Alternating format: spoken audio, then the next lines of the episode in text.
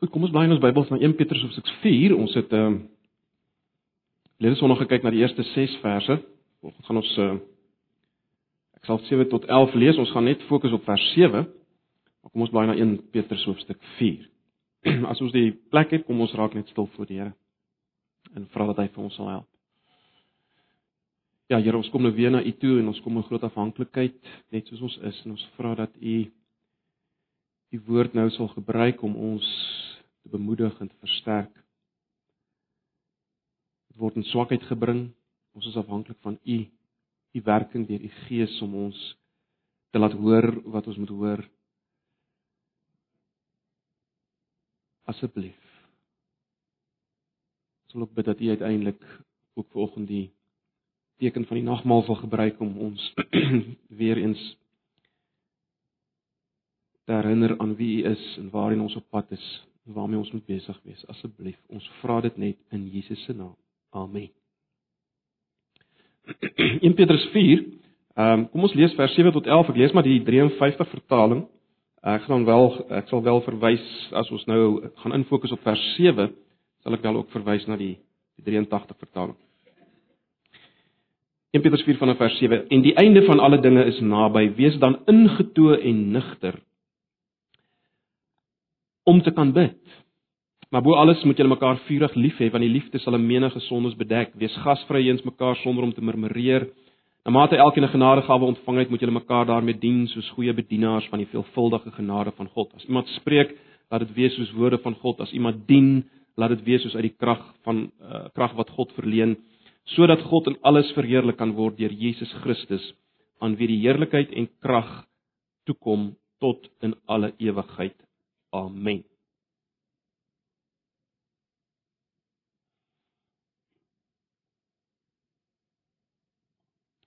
Nou 'n mens hoor baie keer in gesprekke tussen gelowiges of jy kry 'n um, 'n boodskap op jou selfoon uh, waar daar verwys word na die feit dat die die einde is naby.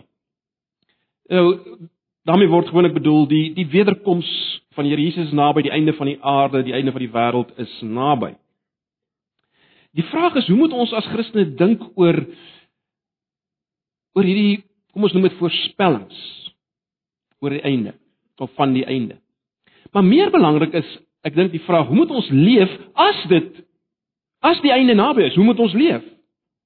Uh anders gestel, dis tog net logies 'n Christen as jy 'n Christen is vanoggend, 'n Christen wil die Here behaag in alles wat hy doen. Hoeveel te meer as hy weet die koms van die Here is naby, die dag wat ek gaan verskyn vir hom van aangesig tot aangesig is naby. Hoe wil hy hê moet ek leef? Wat is sy wil? Hoe sal ek hom behaag?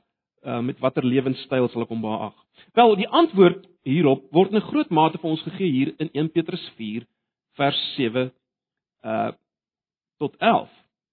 Vanoggend wil ek net fokus op vers 7 uh om hierdie vraag te beantwoord. Uh kom ek lees net weer vers 7.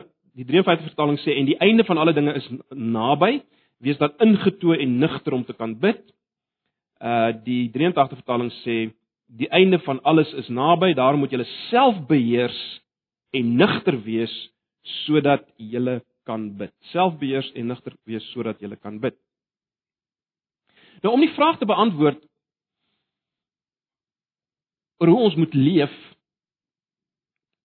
is dit nodig om eers duidelik te te kry oor wat Petrus presies hier bedoel 2000 jaar gelede as hy sê die einde is naby.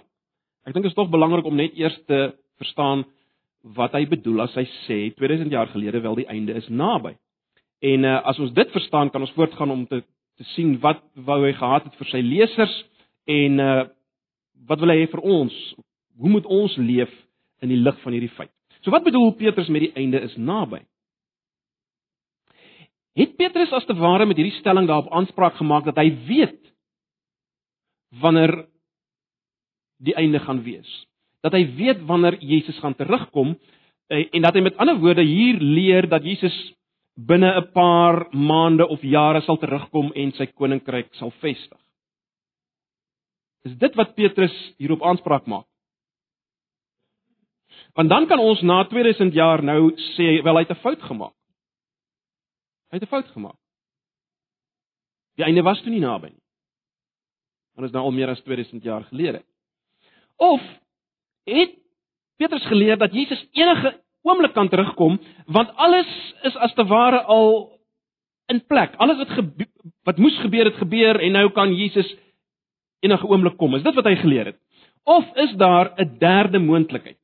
Of is daar 'n derde moontlikheid? So kom ons dink 'n bietjie daaroor. Nou, wat betref die siening dat Paulus, ag uh, Petrus gedink het of as te ware voorgegee dat hy weet wanneer die einde is. Uh moet ons in die eerste plek sê wel ons ons kan nie leef met die gedagte dat hy 'n fout gemaak het.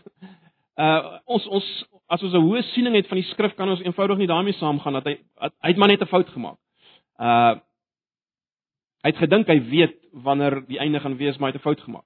Ons kan nie regtig daarmee saamgaan nie en daar's daar's nog redes hoekom ons nie daarmee kan saamgaan nie. Uh een is byvoorbeeld dat is baie interessant, Petrus was by toe Jesus in Handelinge 1 vers 6 met die apostels gepraat het. Uh by daai geleentheid waarna hy Handelinge 1 vers 6 gebruik, het die het die apostels vir Jesus gevra of dit nou die tyd is dat hy die koninkryk weer gaan oprig. Is dit nou die tyd dat u die koninkryk weer gaan oprig? En dan sê Jesus die volgende uh vir hulle. Hy sê dit kom julle nie toe om die tye of geleenthede te weet wat die Vader deur sy eie mag bepaal het nie. Met ander woorde Jesus sê eintlik vir Petrus en die ander apostels, wel dis nie julle saak om te weet wanneer die koninkryk in sy finale gestalte gaan kom nie. Julle moet besig wees om die evangelie te verkondig. Uh julle moet we besig wees om die evangelie te versprei van Jerusalem, Judea, Samaria tot aan die eindes van die aarde.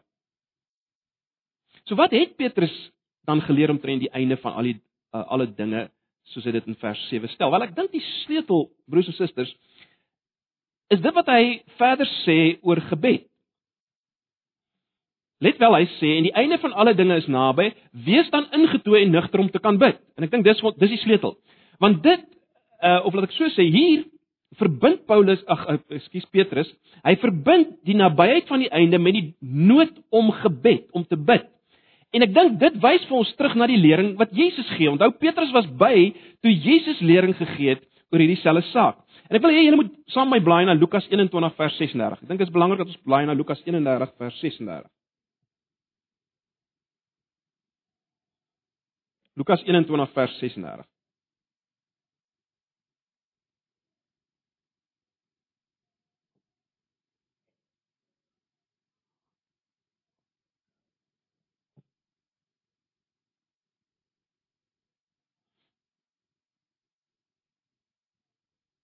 Lukas 31 ag 21 vers 36. Lukas 21 vers 36 sê Jesus die volgende. Hy sê Waak dan en bid altyd deur sodat jy waardig geag mag word om al hierdie dinge wat kom te ontvlug en voor die seun van die mens te staan. Uh van die Engelse vertalings vertaal dit so that you may have strength to escape. Nou die punt van die bid om te ontvlug is nie dat die Christene as te ware uh, uit die wêreld moet geneem word deur een of ander wegraping of iets sodat hulle nie die moeilikhede kan deurgaan wat Jesus voorspel het nie. Dis nie waaroor hulle krag nodig het nie. Dis nie waaroor dit gaan nie.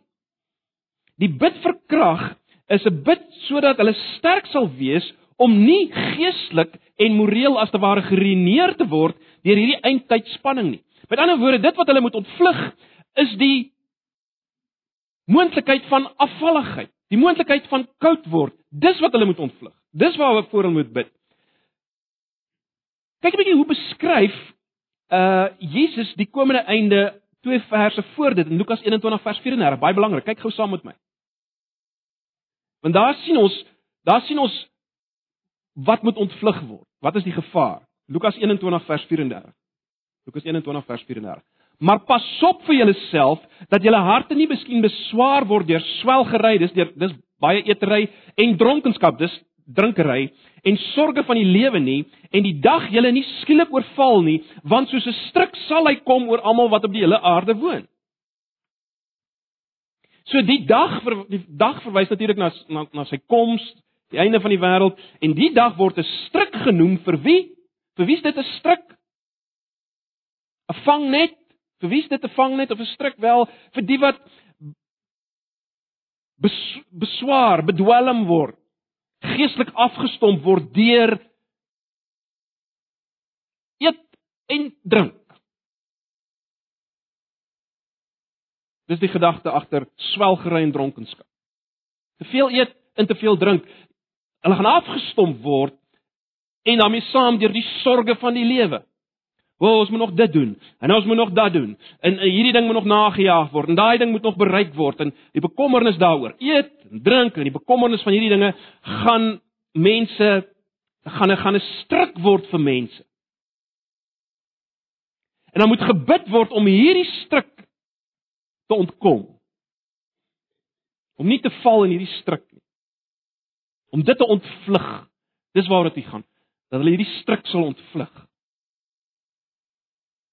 Jy sien daar's krag nodig om die vangnet, die struik van wêreldsheid, as ek dit so kan noem, te ontvlug wat voor die einde uh 'n groot gevaar sal wees.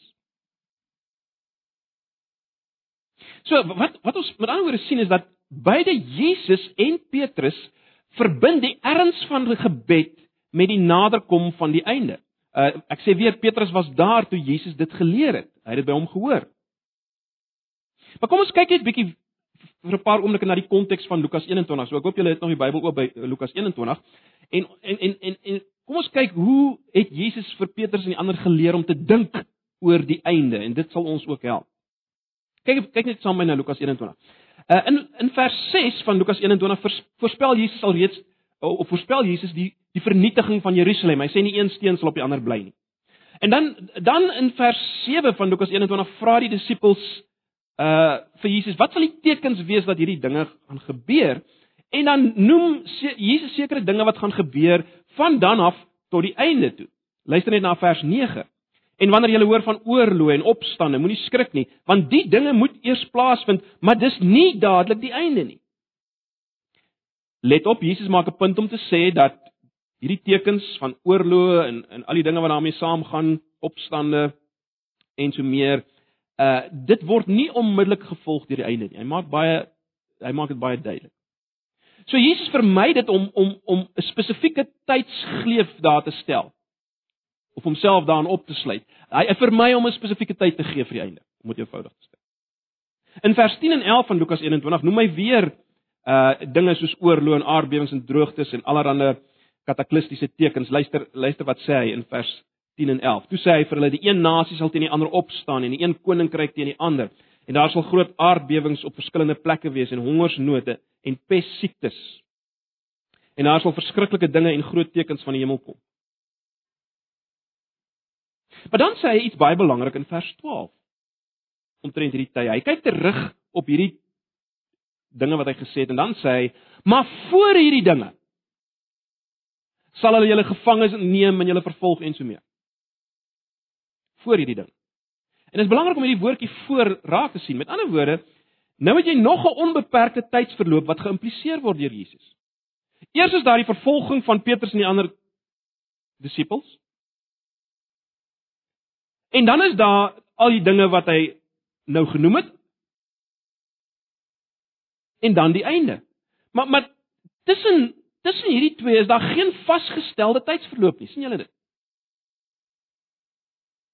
So hy het gepraat van dinge wat gaan gebeur en nie spesifieke tyd gegee en dan sê hy nog maar nog voor daai dinge gaan julle gaan julle vervolg word en in die tronke gegooi word ensovoorts. So dat daar's geen spesifieke tyd aan aan aan aan gekoppel nie. En dan kom Jesus en dan dan voeg hy nog 'n paar tekens by omtrent wat gaan gebeur in die einde. Kyk net na vers 20 en vers 24. En hy sê: "En wanneer julle Jerusalem deur leers omsingel sien, dan moet julle weet dat sy verwoesting naby is." En vers 24 sê: "En hulle sal deur die skerpte van die swaard val en as kruisgevangenes geneem word na al die nasies en Jerusalem sal vertrap word deur die nasies tot die tye van die nasies vervul is." So die vernietiging van Jerusalem is deel van dit wat voor die einde gaan gebeur. Nou, baie belangrik. Uh uh na dit sal daar 'n tydsverloop wees wat ongespesifiseerd is wat vervul moet word wat Jesus noem die die tye van die nasies. So so dit moet ook gebeur. Dit moet ook gebeur. Jerusalem moet val en dan sit hierdie tye van die nasies. Nou, baie belangrik, toe Petrus 1 Petrus skryf, ons het dit vir mekaar aan die begin al gesê, ehm uh, was Jerusalem nog nie vernietig nie. Petrus skryf so in of laat ek so sê, Petrus sterf in in in 65 na Christus en Jerusalem is verwoes in 70 na Christus. Baie belangrik. Petrus sterf in 65 na Christus en Jerusalem is eers verwoes in 70 na Christus. So met ander woorde, dit is baie moeilik om om saam te stem met die siening dat Petrus bedoel het dat Jesus enige oomblik kan terugkom. Want Jesus het gesê Jerusalem gaan eers verwoes word en dan gaan daar hierdie hierdie onbeperkte tyd van die heidene verloop voor die einde gaan kom en voor hy gaan terugkom. Met ander woorde, ons het nou al vir mekaar gesê, ons het nou al gesien, uh Petrus het nie daarop aangespreek gemaak dat hy presies weet wanneer die einde gaan kom nie. Ons het gesien dit kan nie wees nie in die lig van Handelinge 1 vers 6 en so meer. Ons het nou ook gesien dat uh Petrus het nie geleer dat Jesus enige oomblik kan terugkom nie. Want Jerusalem was nog nie eens verwoes nie. So dis ook nie wat hy geleer het. Behalwe dat behalwe vir die feit dat ehm um, Jerusalem nog nie verwoes is nie, het Jesus ook gesê dat wêreldevangelisasie sou plaasvind voor die einde kom. Ons sien dit byvoorbeeld in Matteus 24 vers 24 uh, uh Matteus 24 vers 14. Matteus 24 vers 14 lees ons en hierdie evangelie van die koninkryk sal verkondig word in die hele wêreld tot 'n getuienis vir al die nasies en dan sal die einde kom. So daar's nog iets wat Jesus sê. Maar meer nog, en dis belangrik, Jesus het voorspel wat met Petrus gaan gebeur in sy ou dae. Luister na Johannes 21 vers 8. Jesus het gesê: "Verwaar, verwaar ek sê vir jou, hy praat met Petrus, toe jy jonger was, het jy jouself gegord en rondgegaan waar jy wou, maar wanneer jy oud geword het, sal jy jou hande uitsteek en 'n ander een sal jou gord en bring waar jy nie wil wees nie." So Jesus sê vir Petrus hy gaan oud word, dis wat gaan gebeur. En hy verwys na uiteindelik hoe Petrus uh, ook uiteindelik aan die einde van sy lewe gevange geneem sal word en so mee. Maar die punt is, hy sou sterf as hy oud is. So Petrus het verseker nie as hy gesê die einde is naby, het hy nie bedoel dit kan enige tyd wees. Ons weet Paulus waarsku ook baie sterk teen die die idee dat uh dat die Here nou dadelik kan kom. Piet, uh, Paulus sê ook daar in 2 Tessalonisense sekere dinge moet eers gebeur. Goed, so terug na vers 7. In die lig van alles wat ek nou genoem het, wil ek suggereer dat dat Petrus die volgende eintlik sê as hy sê kyk die einde is naby. Wat sê hy regtig? Wel hy sê iets in die volgende lyn. Hy sê as te ware hiermee broers, oral rondom ons is vervolging, soos die Here gesê dit sal gebeur. Daar's gerugte van oorlog. Uh die horison is donker vir Israel, vir Jerusalem. Die die oordeel op Jerusalem is naby. Nie alleen dit nie broers, die evangelie versprei soos 'n veld brand. Die Heilige Gees is uitgestort. Ons broer Paulus is besig om oral gemeentes te stig. Hy het alreeds in die hele Galasië gemeentes geplant. Hy het nou die werk vanaf Jerusalem tot Noord-Italië voltooi. Hy's beplan, hy beplan om na Spanje toe te gaan. Uh en en meer groepe gaan uit sendelinge gaan is besig om uit te gaan om die onbereiktes te bereik. Ek weet nie hoe groot die wêreld is nie, sê Petrus by implikasie. Ek ek weet nie hoe groot die wêreld is nie, maar as Pinkster enige aanduiding is en die sukses van Paulus enige bewys is, uh dan kan die wêreld geëvangeliseer word in nie baie jare van nou af nie. Kan die wêreld geëvangeliseer word. Broers, die einde van alle dinge is naby. Ek voorspel nie wanneer dit gaan gebeur nie. Ek bedoel dit, die dinge wat die Here gesê het moet gebeur voor hy kom, is besig om te gebeur oral rondom ons en dit kan vinnig voltrek word. Dit kan selfs in ons lewenstyd voltrek dalk eh, dalk voltrek word. Jy sien dis eintlik wat Petrus wil sê. Maar die belangrike ding is dit. In die lig daarvan wees nigter en selfbeheers vir gebed. Want die groot gevaar vir ons, dis wat Petrus sê en dis wat hy vir ons ook sê, die groot gevaar vir ons is dat ons sal verval in 'n liefde vir die wêreld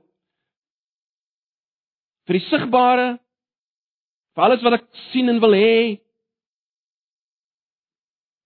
Die gees van die wêreld waaruit God uitgeskakel is, die gevaar is dat ons dat ons sal verval in 'n liefde vir hierdie wêreld en geestelik afgestomp sal word en dat die dag van die Here, sy koms ons sal oorval soos 'n dief in die nag en ons vernietig sal word. Dis die gevaar. Dis hoekom dit belangrik is om te verstaan dat dat die einde naby is. En daarom broers, sê Petrus by implikasie, bid vir die koms van die koninkryk en vir die krag om te volhard en die slagyster van geestelike middelmatigheid te ontsnap. Hierdie apatiese geestelike houding van ag wat karring maar aan ag gesien ek nodig om die woord te lees nie en ah gebed ja gaan maar net aan ons is daar Christene Pieter sê bid sodat jy dit sal ontvlug Bid dat jy mag staan voor die seun van die mens, die een aan wie alle mag behoort in hemel en op aarde. Bid dat jy mag staan vir hom. Ons onthou Petrus doen hierdie oproep uit bittere ondervinding. Daar was 'n tyd, daar was 'n tyd toe Petrus nie gewaak en gebid het nie in Getsemane. Ons weet daarvan. Daar was 'n tyd toe Petrus nie gewaak het nie in in in Getsemane. En daarom doen hy hierdie oproep. Maar goed, wat sê God vir ons wat vanoggend nou hier uh in die vakansietyd hier in Antipas sit? Wat sê wat sê die Here vir ons hierdie? Wel presies dieselfde. Hy sê eerstens vir ons, ons moenie probeer om datums vas te stel nie. Maar die einde is naby. Dis verseker nader as wat dit was in Petrus se tyd. Want 'n paar dinge het nou al gebeur, né? Nee, Jerusalem het eh, intussen geval en baie ander dinge het ook gebeur. So die einde is naby. Die vraag is wat moet ons daaromtrent doen? Moet ons paniekerig word? Moet ons uh kosvoorrade opgaar vir die moeilike tye wat aan die einde gaan kom of wat wat die geval ook mag wees. Nee, Petrus sê eenvoudig ons moet ingetoe nugter wees wat maar beteken wees helder denkend en selfbeheers op alle gebiede. Op alle gebiede wees helder denkend en selfbeheers. Selfbeheers beteken Stel perke vir jouself. Moenie jouself net laat gaan met al jou begeertes en alles wat die oog sien en alles waarmee jy besig is, of dit nou eet en drink is en of dit jou tyd is wat jy op jou selfoon lê en of tyd is wat jy voor die televisie spandeer. Wees selfbeheers. Wees helder denkend en selfbeheers.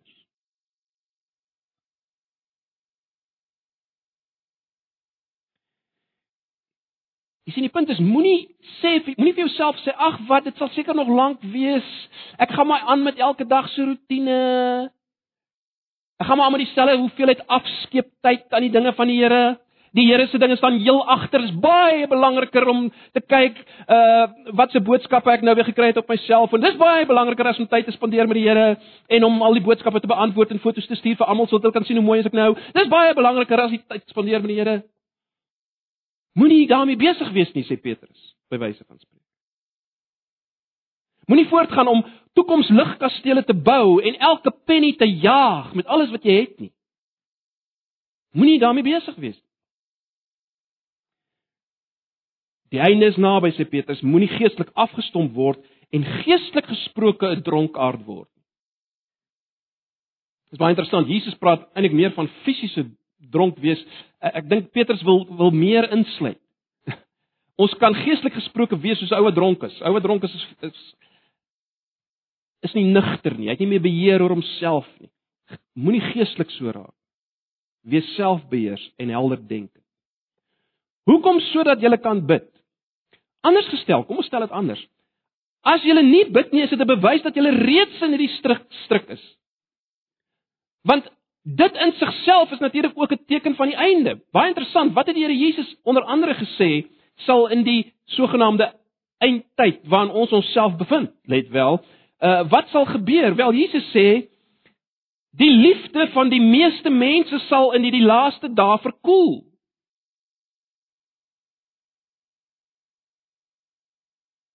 So as jy vanoggend hier sit en jy het hierdie apatiese houding en jy bid jy spandeer nooit tyd aan gebed nie, beteken dit of laat of laat ek so sê, dis 'n bewys van Die waarheid wat Jesus gesê het van die einde, naamlik die liefde van die meeste sal verkoel. Jy het geen liefde meer vir die Here nie. Jy praat nooit met hom nie. Wee jou as jy een van hulle is. Dis as te ware wat Petrus sê. En broers en susters, ag as ek as ek kyk na myself en ek kyk na ons as gemeente, dan dan dan wonder 'n mens of ons nie alreeds in die vangnet van die wêreld gevang is nie. As mens luister hoe mense praat, as mens kyk na mense se lewenstyl, al die sorges van die lewe. Dan is die vraag, is ons nie alreeds in hierdie vangnet.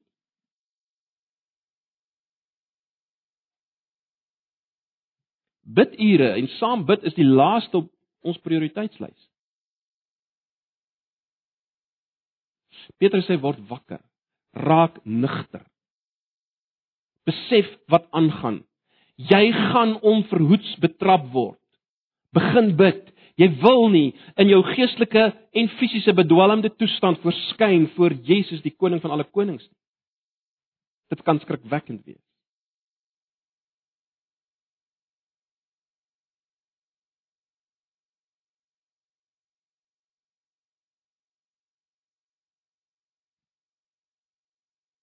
Waarom moet ons bid as die einde naby is? Is dit maar net 'n goeie sober oefening?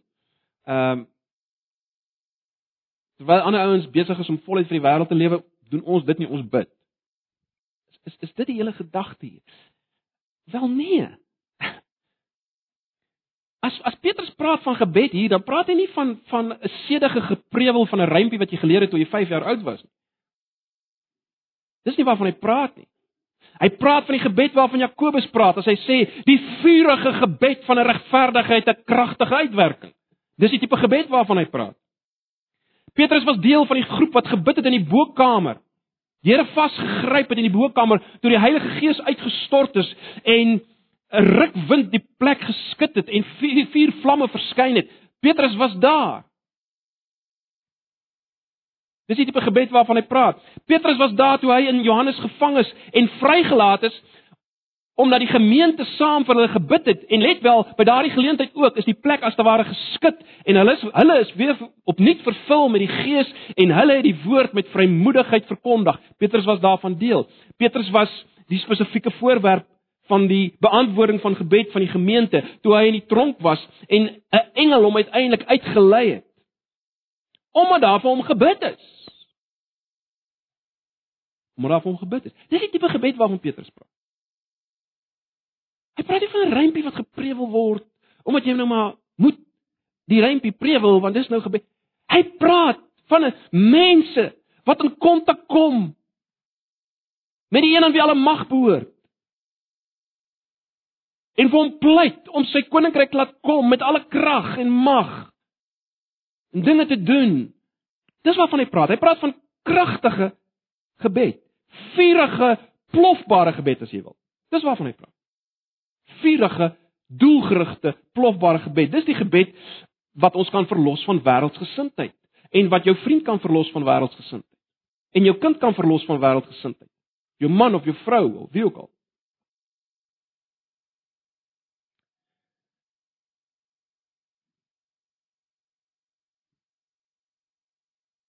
Waarvoor is gebed nodig in die eindtyd? Wel, dink net aan die kenmerke van die eindtyd waaroor Jesus praat en eh, waaroor Petrus praat en Paulus praat by geleentheid. Wat is die kenmerke van die tyd waarin ons leef? Wel, iets wat baie belangrik was in Petrus se tyd was vervolging. Vervolging vir ons, nie miskien ons het al daaroor gepraat, so fisies van aard nie, maar vervolging in die sin van as jy nie saamgaan met die absolute apatiese uh slap Christendom van die tyd wêreldsheid nie, dan word jy uitgedruk. Dan word van jou sleg gepraat. Jy kry nie sekere posisies nie en so meer, daar's vervolging. Daar's vervolging in hierdie tyd en daarom is dit iets waarvoor ons moet bid vir mekaar. Maar baie belangrik waaroor ons nou vanoggend spesifiek gepraat is verkoeling en afstomping. Tree vir mekaar in dat ons sal staande bly en nie afgestomp sal word. Dis ons groot gevaar. Ons groot gevaar is om sterk te begin Mense kom tot bekering en hulle is ywerig vir die eerste jaar of twee, hulle geweldig ywerig. Hulle pak dinge aan vir die Here. Hulle is by elke bid hier. Hulle kan nie genoeg die woord ontdek nie. En dan is daar 'n dan is daar 'n afplatting en 'n verkoeling en later is daar niks meer nie. Maar is nog steeds, hulle noem hulle steeds selfs Christene. Dis waarvoor ons mekaar moet bid. Want ons kan nie in die einde so leef nie. Dis dis waar daaroor Petrus praat. En broers en susters, ons almal word daaroor daardeur aangespreek. Ek in die eerste plek. Bid vir mekaar dat die genietinge en die sorges, daai twee goed, die genietinge en die sorges van die wêreld nie ons sal afstomp nie. En dan natuurlik, het ons gesien dat Jesus sê in Lukas 24, ag Matteus 24 vers 14 die uh dis 'n tyd van wêreldevangelisasie as ek dit so kan stel. So die evangelie moet verkondig word aan die nasies. So bid vir die verspreiding van die evangelie. Dis waarmee jy moet besig wees. Bid daarvoor. Bid vir die moslimlande. Bid dat God dinge sal doen. Hou aan. Hou aan. Soos daai weduwee waarvan Jesus praat wat van haarself 'n oorlas gemaak het. Hou aan. Maak vir jouself 'n oorlas by die Here as ek dit so kan stel. Bid. Broers en susters, daar's duisende, daar duisende rondom ons wat leef asof die Here nie bestaan nie. Hulle speel geen rol in hulle tydskedule nie. Hulle leef as hulle leef asof hy nie bestaan nie. Hoe gaan hulle agterkom dat hy 'n werklikheid is. Wel as ons ingetoe en nigter leef en begin bid. Iets wat ons nie moet vergeet nie van die tyd waarin ons leef. Dit is die tyd van die Heilige Gees. Dis die tyd waarin dis die bedeling van die Gees. Ons het al hieroor gepraat. Ek wil nie vanoggend te veel daaroor praat nie, maar dis die tyd wat ons kan verwag God kan dinge doen. Geweldige dinge in antwoord op gebed. Uh, o Mike het vanoggend by die bid hier uh, iets gespeel wat 'n uh, waar vrou praat oor wat die Here doen in die mos, moslimlande in antwoord op gebed is aangrypend. Verbo wat mens kan dit bid of dink of verwag, doen God in die moslimlande vandag in antwoord op gebed. Maar jy sien as ons nie ingetoe nigter is nie, dan sal ons nie tyd spandeer aan sulke tipe gebed nie. En dan sal daar niks gebeur nie. God skakel ons in in sy werking in hierdie wêreld. God skakel ons in in sy triomf tog deur gebed. Voordat die finale einde kom. Ag broers en susters, mag ons hoor wat die Here sê vanoggend. Die einde van alle dinge is naby. Wees dan selfbeheers en nigter of ingetoe en nigter sodat jy kan bid of om te kan bid. Mag die Here dit gebruik. Vanoggend gaan ons die nagmaal saam gebruik en en My gebed is dat die Here die nagmaal sal gebruik om ons juis uh ook aan te spoor tot dit wat ons nou gesien het, want die want die nagmaal kom sê vir ons sien dit, ryk dit, proe dit, vat dit, dis 'n werklikheid. So seker soos julle dit sien, so seker soos julle dit vat, so seker soos julle dit drink, so seker het ek vir julle die prys betaal, histories werklik 'n dag op Golgotha en net so seker gaan daar histories werklik 'n dag wees wat ek terug gaan kom, wat julle my gaan sien en wat julle weer saam met my gaan maaltyd hou. Gebruik die nagmaal en laat toe dat die Here jou daaraan herinner. Dis 'n in eerste plek herinneringsmaaltyd, né? Dit herinner ons aan dit wat Jesus gesê het. Dit herinner ons aan wat Jesus gedoen het. Maar natuurlik is dit 'n bemoedigingsmaaltyd. Dit bemoedig ons en dit versterk ons. En dit verseker ons hy het vir my die prys betaal. Hy het gedoen wat ek nie kan doen nie. Hy het die oordeel van God op hom geneem. Deur geloof in hom, deur die eed en drink van hom want dis geloof om te sien wie hy is in al sy heerlikheid en hom as te ware te eet en te drink. Deur geloof in hom deur die eet en drink van hom kan ek voor God staan vrygespreek in die regte verhouding en kan ek sonder vrees om te gemoed gaan. Die nagmaal herinner ons daaraan bemoedig ons daaraan en natuurlik is dit in die laaste plek is die nagmaal 'n 'n maaltyd van blydskap of vreugdesmaaltyd want ons gaan dit weer gebruik saam met hom. En en en hierdie maaltyd moet ons herinner daaraan So kom ons gebruik die nagmaal broers en susters op hierdie op hierdie manier en en, en ons ons verheerlik hom en maak hom groot en ons ons ons laat toe dat hierdie nagmaal ons weer opnuut lanceer om ingetoe nigter te wees, selfbeheers en nigter en besig te wees met gebed. So dis my gebed. Ek gaan 'n gebed doen en dan vra ek vir die diakens om net vir ons die tafels gereed te maak. Kom ons bid net. Ja Here, dankie vir u woord. Dankie vir hierdie tekens wat u gee om ons te versterk. U ken ons, u ken ons mislukkings. U ken ons sonde, u ken ons geneigtheid tot slapheid en geestelike luiheid. En ek wil bid dat u vanoggend maar net opnuut 'n werk in ons sal doen deur u woord, u gees en deur hierdie teken van die nagmaal. Bid dit vir myself, bid dit vir elkeen van ons wat hier is van die oudste tot die jongste. Asseblief. Ons vra dit in Jesus se naam. Amen.